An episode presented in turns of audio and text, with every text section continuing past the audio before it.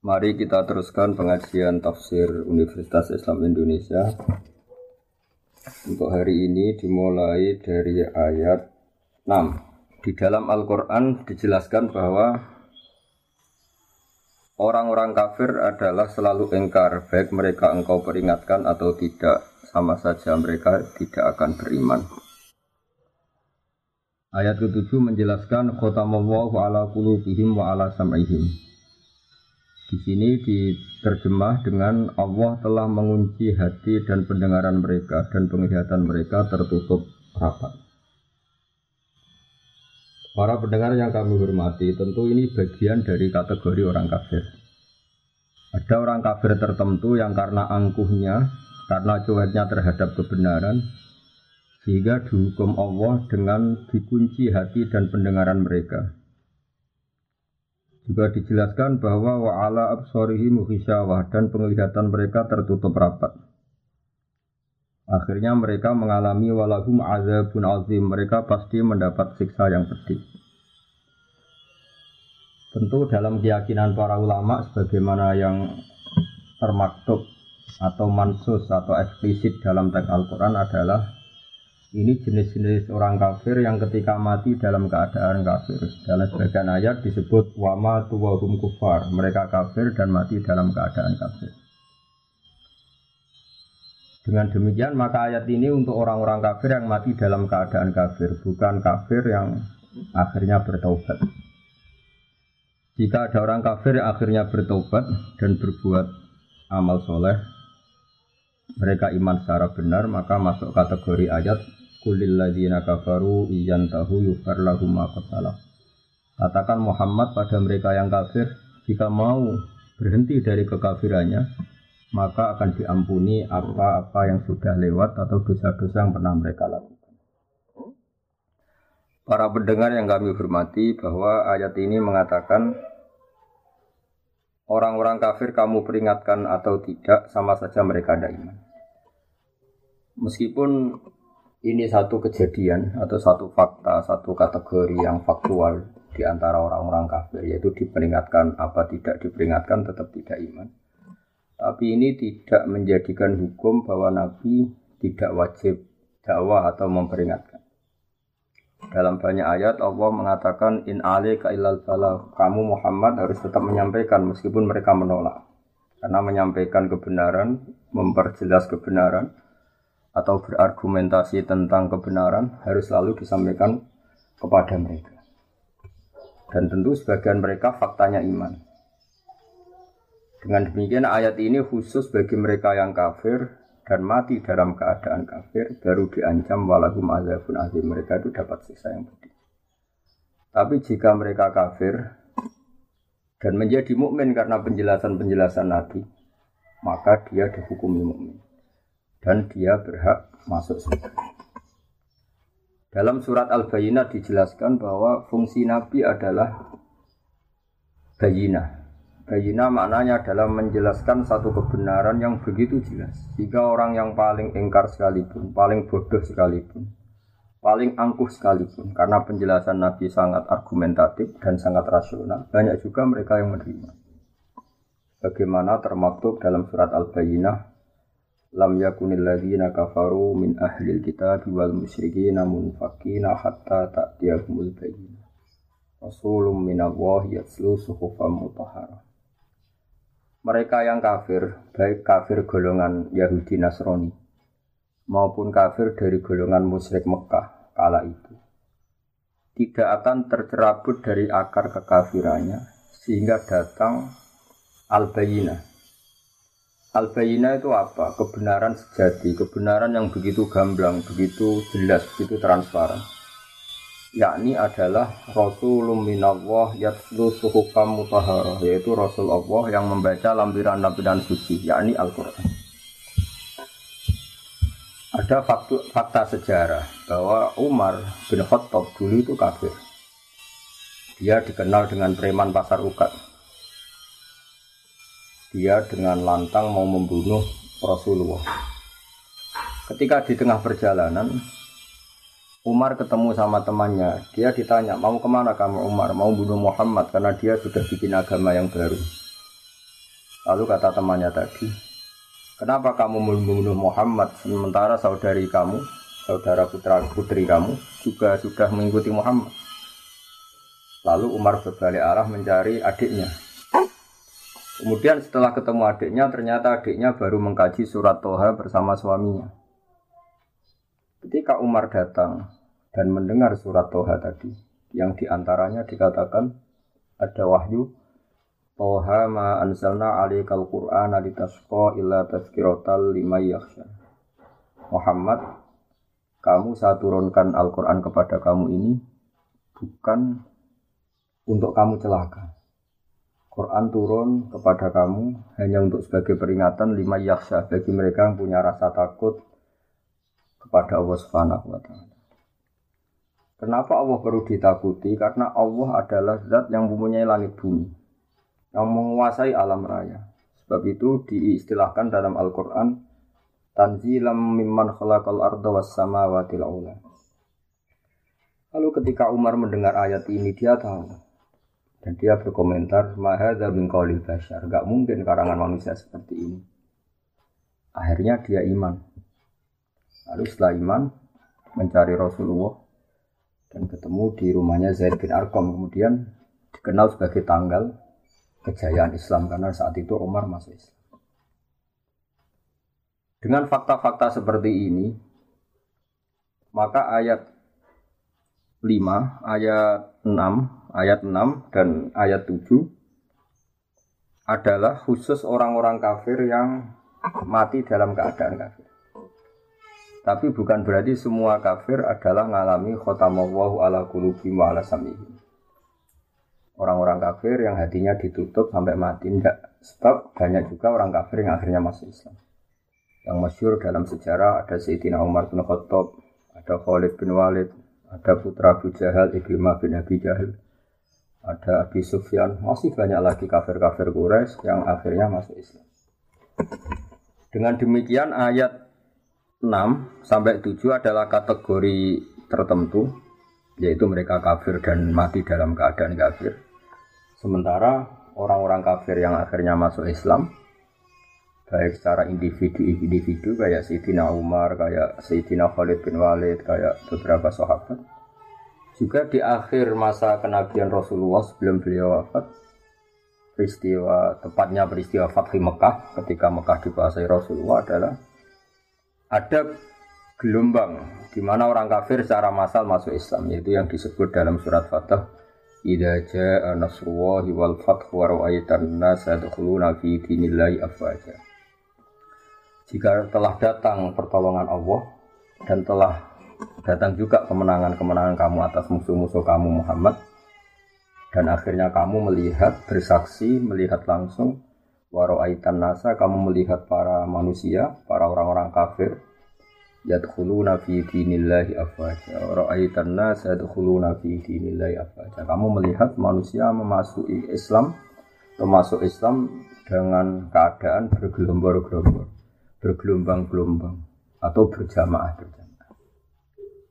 Dengan demikian jelas sekali bahwa kategori orang kafir adalah satu orang-orang kafir yang mati dalam keadaan kafir. Ini yang kena vonis di neraka selamanya. Walakum adzabun azim. Ada orang-orang kafir yang akhirnya Islam. Ini yang disebut dalam ayat kulil ladzina kafaru iyantahu farlahu ma salaf. Katakan pada orang-orang yang kafir, jika mau berhenti dari kekafiran, maka dosa-dosa mereka akan diampuni. Lalu tentang kewajiban sawaun alaihim angdartahum amlam tungkirhum. Tentu kita sepakat sebagaimana mansus atau eksplisit atau termaktub dalam Al-Quran. Nabi diutus Allah adalah untuk memberi penjelasan kebenaran. Sehingga dari penjelasan-penjelasan itu Nabi bisa mengubah bangsa Arab yang dulu mayoritas kafir menjadi mayoritas muslim. Ini yang disebut al-bayyinah. Ada contoh unik dari kekeliruan orang kafir yang sudah akut tapi karena logika yang dibangun Nabi, akhirnya mereka tercerabut juga dari kesalahan itu. Bisa terbebas juga dari kesalahan itu. Orang-orang kafir adalah merasa bahwa di dunia ini urusan banyak. Urusan banyak, kasusnya banyak, problem hidup banyak. beban hidup banyak. Jika mereka berpikir kalau kita punya Tuhan satu maka tidak cukup untuk menyelesaikan masalah-masalah kita. Lam yasa'na ilahun wahid. Tentu kita tidak cukup oleh Tuhan satu karena urusan kita banyak, problem kita banyak. Begitu seterusnya. Sehingga di seputar Ka'bah itu ada 360 berhala. Belum berhala-berhala kecil yang disembah oleh mereka yang musyrik di rumah masing-masing. Sebagai benda yang dituhankan. Ketika Rasulullah mengajak bahwa Tuhan itu harus satu. Tuhan itu nggak sama dengan makhluk. Mereka protes, ya Muhammad. Kita-kita ini punya urusan banyak, punya problem banyak. Tidak mungkin masalah semua ini selesai dengan satu Tuhan. Ini yang diceritakan oleh Allah Subhanahu wa taala dalam ayat aja'alal alihata ilaha wahida innaha adalah syai'un ujab. Masa Muhammad mengajari kita satu Tuhan? Ini aneh. Karena urusan banyak kok Tuhannya satu. Lalu Rasulullah dengan sabar, dengan bijak, dengan telaten mengajarkan mereka. Mereka diajarkan demikian. Kalau kamu punya satu Tuhan, yang Tuhan itu memberi rizki kamu, merawat kamu, mensubsidi kamu. Lalu ada satu Tuhan yang jadi beban bagi kamu. Kamu harus membersihkan dia, kamu harus memandikan dia, kamu harus ngasih makan dia. Lalu kamu milih Tuhan yang mana? Kata mereka tentu milih Tuhan yang memberi kita. Berhala-berhala yang kamu sembah adalah merepotkan kalian. Kamu harus menyuci mereka, membersihkan mereka, ngasih sesajen sama mereka. Ini yang disebut dalam satu masal dalam perumpamaan wahwa kalun ala maula. Hanya jadi beban bagi kamu. Oke Muhammad, kita memilih Tuhan yang enggak merepotkan kita, tapi Tuhan yang memberi rizki kita, yang memberi makan kita, yang menciptakan langit dan bumi. Lalu Tuhan yang begitu berapa Muhammad? Allah memberi penjelasan lagi lewat nabinya. Allah membuat satu perumpamaan. Kalau kalian jadi pembantu, dulu istilahnya budak budak sahaya kalau sekarang mungkin pembantu meskipun pembantu dan budak tentu beda tapi gampangan dalam perumpamaan begini kalau kamu jadi bawahan kemudian punya majikan banyak semuanya minta kamu layani mereka semuanya minta perintahnya dilaksanakan mereka akan tersinggung dan marah besar kalau perintahnya tidak dilaksanakan Lalu majikan Anda ini banyak, perintahnya beda-beda, seleranya beda-beda, semuanya tersinggung kalau semua perintahnya nggak dilaksanakan. Dengan kalau kamu jadi pembantu atau bawahan punya satu majikan. Majikan ini akhlaknya baik, tidak otoriter, perintahnya tunggal. Dan hanya dia majikan kamu. Kamu milih mana punya majikan banyak yang berbeda-beda dengan satu majikan saja. Lalu orang kafir menjawab, tentu Muhammad kita milih satu majikan saja. Kata Rasulullah, begitulah Tuhan. Tuhan kamu adalah nanti yang ngatur kamu, yang merintahkan kamu, yang bikin aturan. Jika Tuhan satu, maka nyaman bagi kita semua karena perintahnya satu dari zat yang satu dan tidak ada rivalitas, tidak ada saingan. Ini yang dimaksud dalam ayat Dorobawahu matalar rojulan fihi syuroka umutasyakisuna wa rojulan salamal Hal yastawiyani masalah. Coba Anda logika, Anda angan-angan, Anda pikirkan. Bagaimana kalau ada seorang lelaki yang jadi bawahan, kemudian dia punya majikan banyak, yang seleranya beda-beda, yang perintahnya beda-beda. Semuanya minta dilayani. Semuanya memerintahkan untuk ditaati. Tentu ini akan membingungkan sang bawahan, karena perintahnya beda-beda. Lalu dibanding dengan satu pembantu atau bawahan yang punya satu majikan. Lalu Anda milih mana? mereka sepakat milih satu majikan. Akhirnya mereka sadar bahwa punya Tuhan banyak itu menjadi repot, menjadi problem, menjadi masalah. Akhirnya lewat kesadaran itu karena barokah ajaran Rasulullah SAW, akhirnya mereka berkeyakinan dan menjadi tahu bahwa fa'alam annahu la ilaha illallah bahwa memang Tuhan itu harus satu. Di sini yang dimaksud al-bayyinah. Maka pemirsa yang kami hormati, pendengar yang kami cintai, kita jangan bosan-bosan membuat argumentasi ilmiah yang memastikan bahwa Tuhan itu satu. Dan Tuhan adalah ala kulli Ini yang dimaksud dengan al -bayyinah. Satu kejelasan, satu kebenaran yang begitu gamblang, begitu jelas, sampai semua orang itu menjadi tahu. Ketika kebenaran begitu jelas, begitu gamblang oleh logika yang paling sederhana sampai logika yang paling serius, ini disebut al Sebab itu Allah mengajari semua nabi adalah dengan hujah, argumentasi ini. Maka dalam banyak ayat disebut watilka hujjatuna atainaha Ibrahim ada keyakinan orang kafir saat Nabi Ibrahim bahwa berhala itu memberi manfaat. Mereka menyembahnya, mereka memberi sesajen, mereka memuja-muja. Suatu saat di hari besar mereka, semuanya paginya mau datang ke berhala itu di satu area khusus. Lalu malamnya sebelum ada acara, Nabi Ibrahim memangkas semua berhala-berhala kecil dan kapaknya digalungkan sama berhala paling besar Lalu paginya geger. Geger-geger mereka akhirnya lewat identifikasi sosial akhirnya tahu bahwa pasti pelakunya Ibrahim karena selama ini yang menentang kita nyembah berhala itu Ibrahim. Ditanyalah Ibrahim, kamu yang memotongi berhala-berhala kecil ini. Kata Ibrahim tidak, tentu yang motongi yang bawa kapak. Kata mereka, ini hanya berhala, gak mungkin bisa motongi, bisa merusak berhala-berhala kecil. Nah, di sini logika mereka kelihatan keliru. Kalau kamu yakin nggak bisa motongi berhala-berhala kecil, kenapa kamu yakin dia Tuhan? Tuhan tuh harusnya bisa melakukan sesuatu, bisa berikhtiar, bisa membuat langit bumi macam-macam. Ini hanya berhala. Hanya mereka sadar bahwa mereka salah. Ini yang disebut hujah. Sebab itu para pendengar yang kami hormati, kita jangan bosan punya logika-logika atau argumentasi ilmiah yang menjadikan umat manusia selalu dalam keadaan tauhid. Ini penting karena iman hanya murni keturunan misalnya atau kultur kultural setempat ini masih rawan untuk diombang-ambing oleh fitnah atau oleh cobaan-cobaan non muslim. Tapi kalau iman dengan argumentasi ilmiah yang kuat, insya Allah, kalaupun kita hidup di Eropa, di Amerika, di negara mana saja, kalau tauhidnya kuat dengan argumentasi yang al maka iman ini insya Allah terjadi. Sebab itu para nabi sering mengatakan, Kul inni ala bayinati mirrabbi. Kita-kita ini begitu jelas mendapatkan kebenaran dari Tuhan. Ada kisah unik zaman kafir Quraisy. Ada seseorang yang malam-malam memuja-muja berhalanya. Kemudian pas dia memuja-muja berhalanya, kebetulan saat itu ada seekor luwak mengencingi kepala berhala itu. Maka dia kaget, terus si menyembah tadi bilang, Ailahun yabulu alaihi sa'laban. Masa ini Tuhan kok dikencingi luwak? Terus dia sadar dan ini.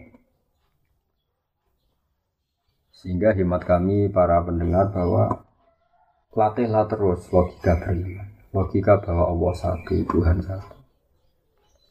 Sebab ini satu logika yang paling final. Logika yang paling final dan paling mudah diterima oleh akal sehat. Akal kita, rasa kita, fitrah kita, kalau dikatakan Tuhan satu dan Tuhan menguasai alam raya dan Tuhan tidak punya rival, tentu lebih mudah menerima. Sehingga disebut agama ini fitratallahi allati fatarana Selain logika ini tentu akan mengundang pertanyaan-pertanyaan terus yang lebih ekstrim. Misalnya logika Tuhan tiga, pasti pertanyaannya lalu tiga ini yang paling hebat siapa? Yang paling pertama siapa? Ini pertanyaan-pertanyaan yang nggak mungkin terjadi. Sehingga paling mudah di logika adalah Tuhan itu satu dan Tuhan tidak ada jenis yang sama tidak ada yang sama, yang sejenis. Di sini terus kemudian orang-orang kafir tanya lagi, ya Muhammad, Tuhan kamu yang menarik itu, yang hebat itu, lalu sifatnya kayak apa? Turunlah surat Qul huwallahu ahad, Allahu samad, lam yalid wa lam yulad wa lam yakul lahu Tuhan kami ini juga Tuhan kalian, Tuhan sealam raya dan Tuhan yang sejati adalah Tuhan yang satu. Allah Somad dan Tuhan yang menjadi tujuan untuk kita lapuri masalah-masalah kita. Tuhan yang kita berdoa kepadanya setiap kita punya masalah. Lalu ciri Tuhan lagi adalah lam yalid walam yulad. Dia tidak melahirkan juga tidak dilahirkan. Ini penting karena Tuhan adalah zat yang nggak mungkin ada kembarannya. Sehingga kalau punya anak nanti tentu anak itu sejenis dengan bapak. Padahal ini tidak mungkin dalam Tuhan. Karena Tuhan adalah laisa kamis syai'un pasti tidak ada kembarannya. Karena Tuhan adalah zat yang azali, yang pertama, dan tentu punya sifat-sifat yang sama sekali berbeda dengan makhluk. Yang oleh istilah para ulama disebut mukhalafatul hawadisi, pasti beda dengan makhluk.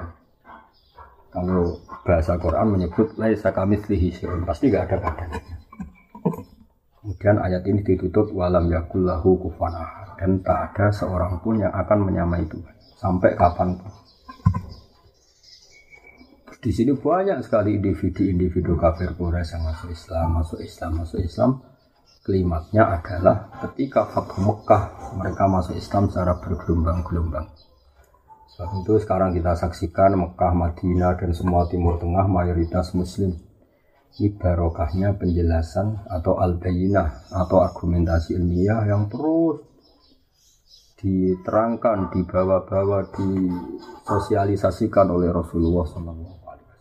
Sebab itu saya ulang lagi ayat 6 innal ladzina kafaru sawaun alaihim anzartahum am lam tunzirhum la yu'minun. Di sini diterjemah Adapun mereka yang ingkar, baik mereka itu engkau peringatkan atau tidak, sama saja mereka tidak akan beriman. Ini adalah jenis-jenis atau uh, kategori orang kafir yang mereka kafir terus sampai mati. Misalnya Abu Jahal, Abu Lahab. Tapi tentu ini satu jenis. Yang nanti ada jenis lain dari orang-orang kafir itu yang masuk ayat. Misalnya idza jaa nasrullahi wal fathu wa ra'aitan nasa yadkhuluna fi dinillahi. Jadi ada orang-orang kafir yang akhirnya masuk Islam dan mati dalam keadaan Islam dan itu banyak sekali sebagaimana kita tahu dalam sejarah ada Umar, ada Khalid bin Walid, ada Abi Sufyan dan sebagainya dan sebagainya. Sebab itu dalam disiplin ilmu tafsir dijelaskan seorang mufassir atau seorang mutarjim menerjemah harus hafal Quran dan harus menguasai makna-makna Quran. Sebab satu dua ayat kadang-kadang di situ Allah hanya menjelaskan satu kategori saja. Ada kategori-kategori lain yang dijelaskan di ayat lain. Misalnya ada ayat yang menjelaskan umat Islam itu wajib melakukan ini, ini, ini. Misalnya disebut empat. Di ayat lain disebutkan sampai delapan. Di ayat lain lagi misalnya disebutkan sampai enam. Lalu kita menghitung semua itu termasuk kewajiban. Dan itu normal dalam ulumul Quran. Sebab itu misalnya di sini diterangkan hanya ada orang kafir, misalnya yang akhirnya berjenis sawa unalihim ang tertahum amlam tungfirhum. Orang-orang kafir yang kamu peringatkan apa ndak tetap ndak tetap ndak mukmin artinya tetap kafir.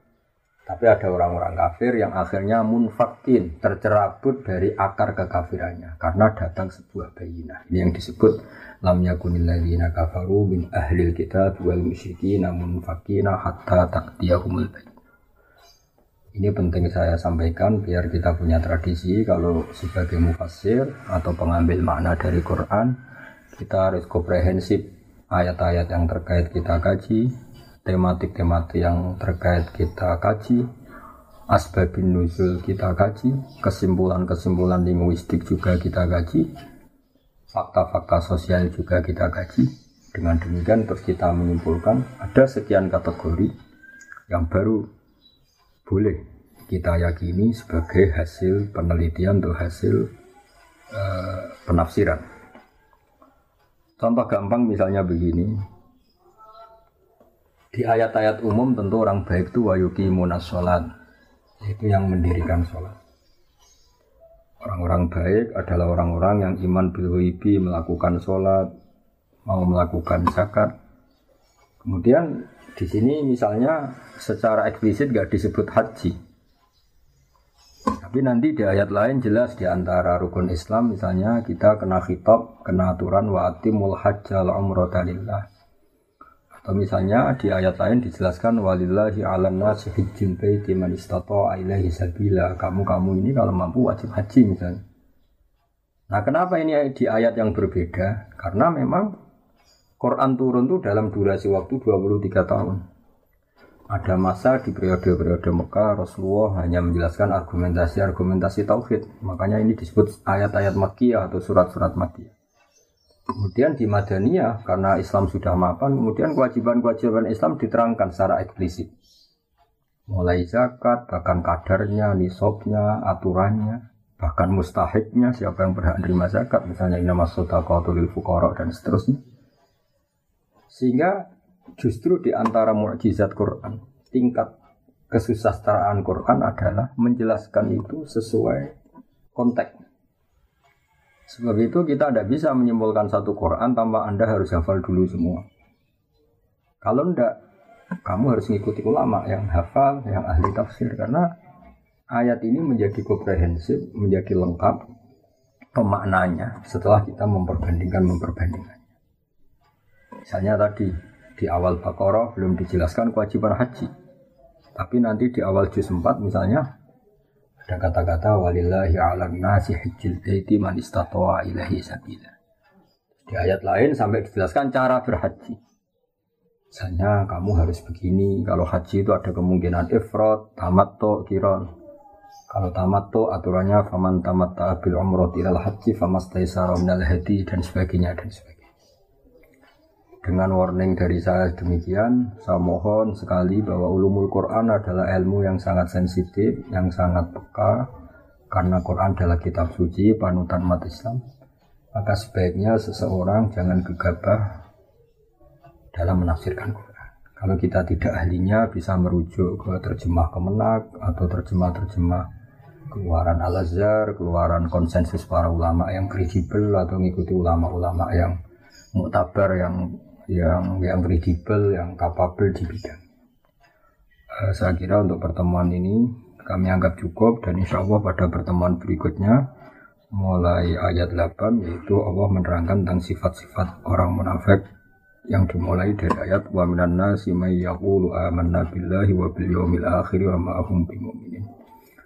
Mohon maaf atas semua atas semua kesalahan. Wabillahi taufik walhidayah. Wassalamualaikum warahmatullahi wabarakatuh.